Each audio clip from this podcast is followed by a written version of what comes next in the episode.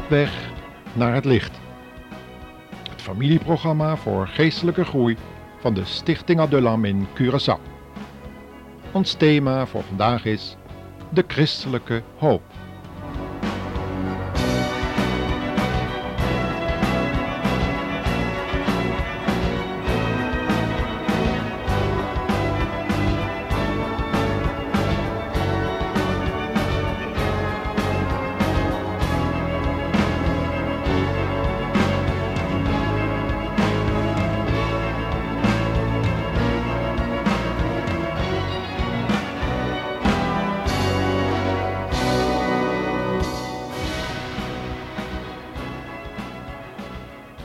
Heeft hij zich ook wel eens in een schijnbaar hopeloze situatie bevonden.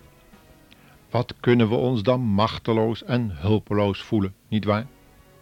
En als dan tot overmaat verrampte persoon waarop wij al onze hoop gevestigd hebben, wegvalt, ziet het er helemaal somber in ons leven uit. Zo voelden die twee vrienden zich, toen ze van Jeruzalem terugkeerden naar het dorpje Emmaus. Hoor maar eens wat ze tegen de tot nog toe onbekende, maar goddelijke medereiziger zeiden. En wij hoopten nog wel dat hij degene was die Israël verlossen zou. Maar het is heden al de derde dag dat deze dingen geschied zijn. Ze hadden het kruis nog vers in hun geheugen, zoals je het moeilijke en pijnlijke sterfbed van een goede vriend of vriendin niet gemakkelijk vergeet. We kennen dan ook niet voor niets een periode van rouwverwerking na een sterfgeval. En het is belangrijk om op zulke momenten niet te lang het isolement te zoeken, maar je verdriet te delen met je naaste.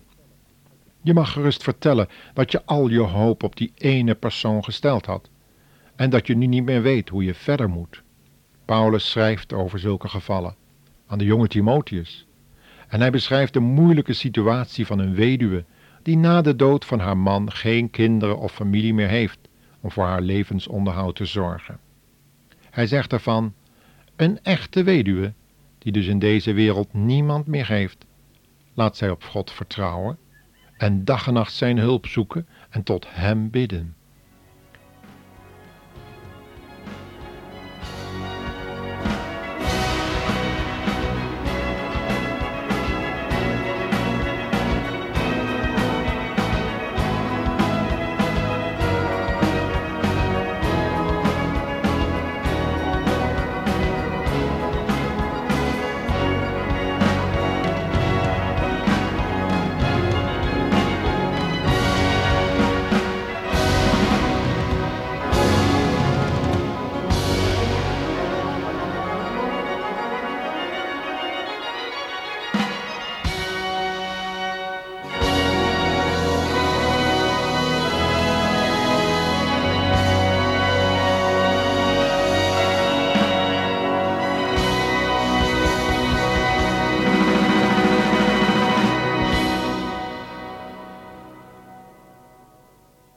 Vaak zal God de mensen die hij aan de Heer Jezus gegeven heeft, leiden in schijnbaar hopeloze situaties, waarin menselijke hulp onmogelijk blijkt. We kennen allemaal wel van zulke diep menselijke ervaringen. En we stellen dan ook terecht vast dat het overleven alleen maar mogelijk is door een totale en radicale geestelijke overgave. Alleen dan is een nieuw begin mogelijk. De Bijbel kent een hemelse hoop, die ver uitreikt boven al onze aardse belevenissen en religieuze ervaringen of verschijningen zelfs. Elke godsdienst kent zijn eigen opstandingsleer, stelde eens een Anglikaanse priester. Maar hij wilde deze opstanding nu reeds werkelijkheid zien worden en niet naar de toekomst verschoven zien. Maar wanneer we dat doen, leren we inderdaad wel het aardse aspect van een soort opstanding van ons zielenleven kennen. Maar dat is een spirituele ervaring die wij als schepsel kunnen kennen. Maar deze ontdekking is het onderwerp van studie binnen allerlei New Age bewegingen. En in feite eenvoudig een hernieuwd inzicht in het functioneren van de menselijke ziel en de geest iets wat het mystieke Oosten nimmer uit het oog verloren heeft. Maar al die krachten in de menselijke ziel, die nimmer ontgonnen lijken te zijn, waar leiden die toe? Wanneer deze krachten in handen komen van onbekeerde psychologen, die de taak van ontrouwe zielenherders schijnen overgenomen te hebben, zullen de gevolgen dezelfde zijn als de ontdekking van het atoom en zijn oerkracht.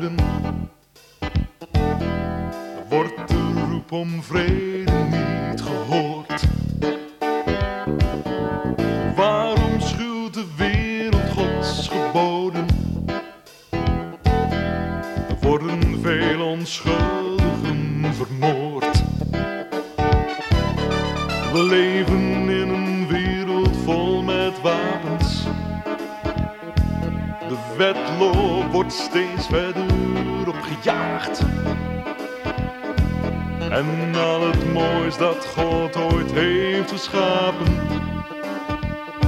kan door atoomkracht worden weggevaagd. Is vrede nog alleen maar iets voor dromers?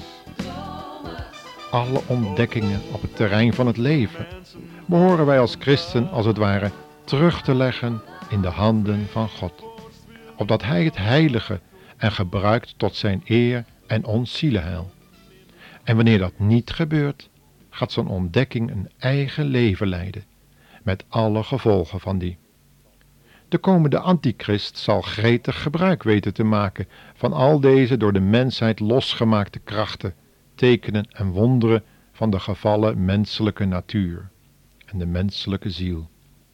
Het is juist dit soort mystieke kennis die het Oosten zo lang voor het evangelie heeft afgesloten. En de bekende Chinese evangelist Watchmore heeft juist tegen deze zogenaamde kracht van de ziel, of zoals anderen het noemen, de kosmische, universele kracht in jezelf, gewaarschuwd. En hij kan het als Chinees weten.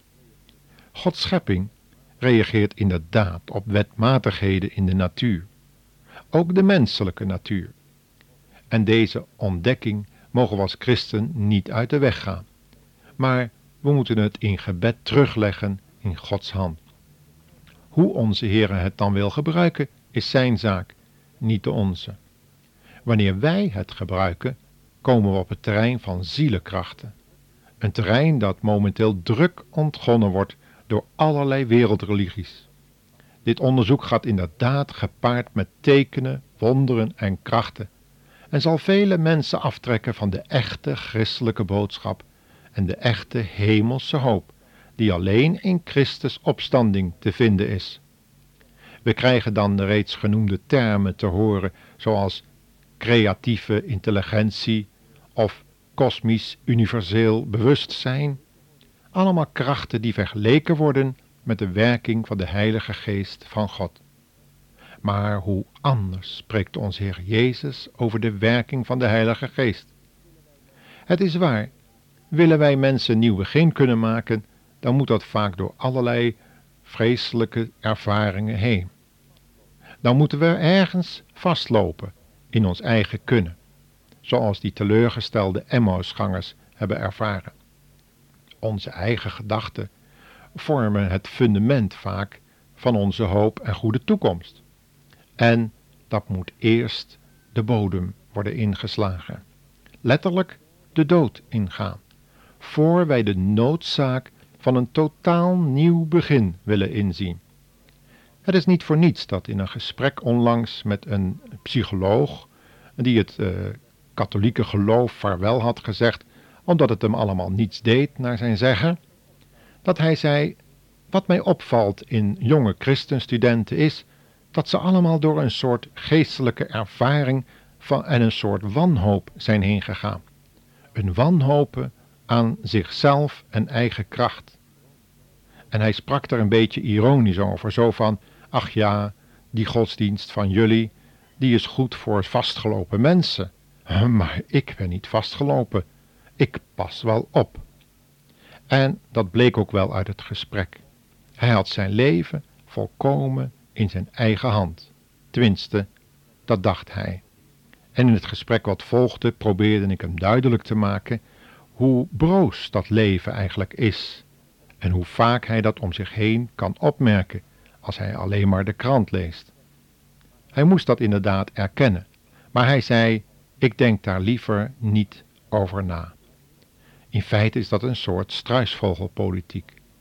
We kunnen beter, net als die Emmausgangers, te biecht gaan bij de Heer Jezus. Ook al kennen we hem nog niet voldoende en begrijpen we zijn handelwijze in het kruis nog niet ten volle. Laten we hem eenvoudig, net als deze discipelen, vragen stellen. Laten we eens horen wat de Heer Jezus tegen die discipelen over het werk van de Heilige Geest zegt. Johannes zegt het ons in het zestiende hoofdstuk al. Wat ik zeg, zei de Heer Jezus, is de waarheid. Het is voor u beter dat ik wegga, anders kan mijn plaatsvervanger niet bij u komen. En als ik wegga, stuur ik hem naar u toe. Als mijn plaatsvervanger komt, zal hij de mensen in de wereld overtuigen van zonde, rechtvaardigheid en oordeel. En al het moois dat God ooit heeft geschapen, kan door atoomkracht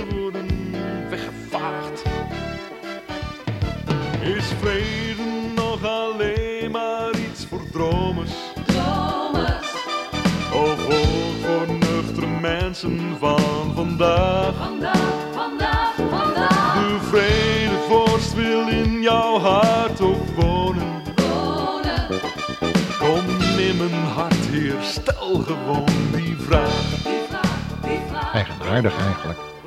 Dat hier de Heilige Geest niet centraal wordt gesteld als iemand en die ons ontdekt hoe fijn het leven kan zijn. En hoe we de geweldige overwinningen we allemaal gaan behalen. En hoeveel succes door positieve krachten en denken. Nee, hij gaat overtuigen van zonde. Dat is het werk van de Heilige Geest. Juist deze activiteit, overtuigen van zonde, rechtvaardigheid en oordeel, ontbreekt vaak in het bewustzijn van wereldreligies. Alle vastgelopen schepselen kennen allerlei mogelijkheden om aan menselijke problemen te ontkomen. Uit het leven stappen, zoals men dat noemt. Dat kan ook door mystieke onthechting of ascese. Helemaal en radicaal opnieuw beginnen met het besluit om alles uit het verleden maar te vergeven. Dat is ook een manier. Maar hoe zit het dan met ons onderbewustzijn? Is dat dan gereinigd? Zoals Petrus het schrijft, gereinigd van een kwaad geweten? Nee, dat is het zeker niet. Want op de tijden dat het ons helemaal niet uitkomt, komt het verleden een rol spelen en kan het heden danig beïnvloeden. Wanneer we naar de Heer Jezus echter gaan, dan zien we dat we Hem vertrouwen kunnen en dat Hij het verleden, heden en de toekomst in Zijn hand heeft, omdat Hij alles van u weet. Hij wil tussen beiden komen. Hij wil naast u lopen, net als bij die Emmausgangers. En hij wil duivelse plannen en gedachten ontmaskeren en verhinderen. Hij laat het zien dat door zijn opstanding op de derde dag en zijn te verwachten wederkomst aan het einde van de tijden er een nieuw begin nu mogelijk is, ook voor u, luisteraar. De zondag is daarom ook een opstandingsdag, een jubeldag.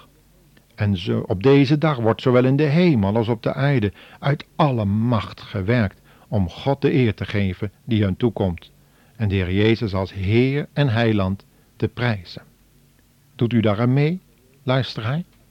Kent u de Heer Jezus al als de opgestane Heer in uw leven? De Heer Jezus had gezegd, mijn Vader werkt tot nu toe en ik werk ook. En zo is die zondag een werkdag geworden, maar die kan beginnen met de hemelse rust die Jezus heeft bewerkt door de dood te overwinnen en het graf te openen. Is het wonder dat elk schepsel iets aanvoelt van die redelijke eredienst, zoals het Paulus schreef in de brief aan de Romeinen? Hij zegt, ik zeg u daarom, broeders, dat u zich helemaal aan God moet wijden, te meer omdat Hij al zijn liefdevolle goedheid u heeft aangeboden. Laat uw lichaam daarom een levend offer zijn, heilig, zodat het een vreugde voor God is. Dat is nu uw redelijke eredienst. Laten we ons best doen om deel te krijgen aan die rust. Laten we ervoor oppassen God niet ongehoorzaam te zijn, zoals dat voor Israël, dat daardoor de rust niet kreeg die hun was aangeboden. Want het woord van God is vol van kracht en leven, en het is scherper dan het scherpste zwaard. Het dringt in één keer door tot onze diepste gedachten en verlangens en snijdt alle delen los. En het onderscheidt ziel en geest, oordeelt onze gedachten en overleggingen van het hart. Alles ligt open en bloot voor Gods ogen. Niets is voor Hem verborgen. En elders zegt het woord, die mijn woord hoort en gelooft Hem die mij gezonden heeft, heeft eeuwig leven, komt niet in de verdoemenis, maar is uit de dood overgegaan in het leven. God zegen u.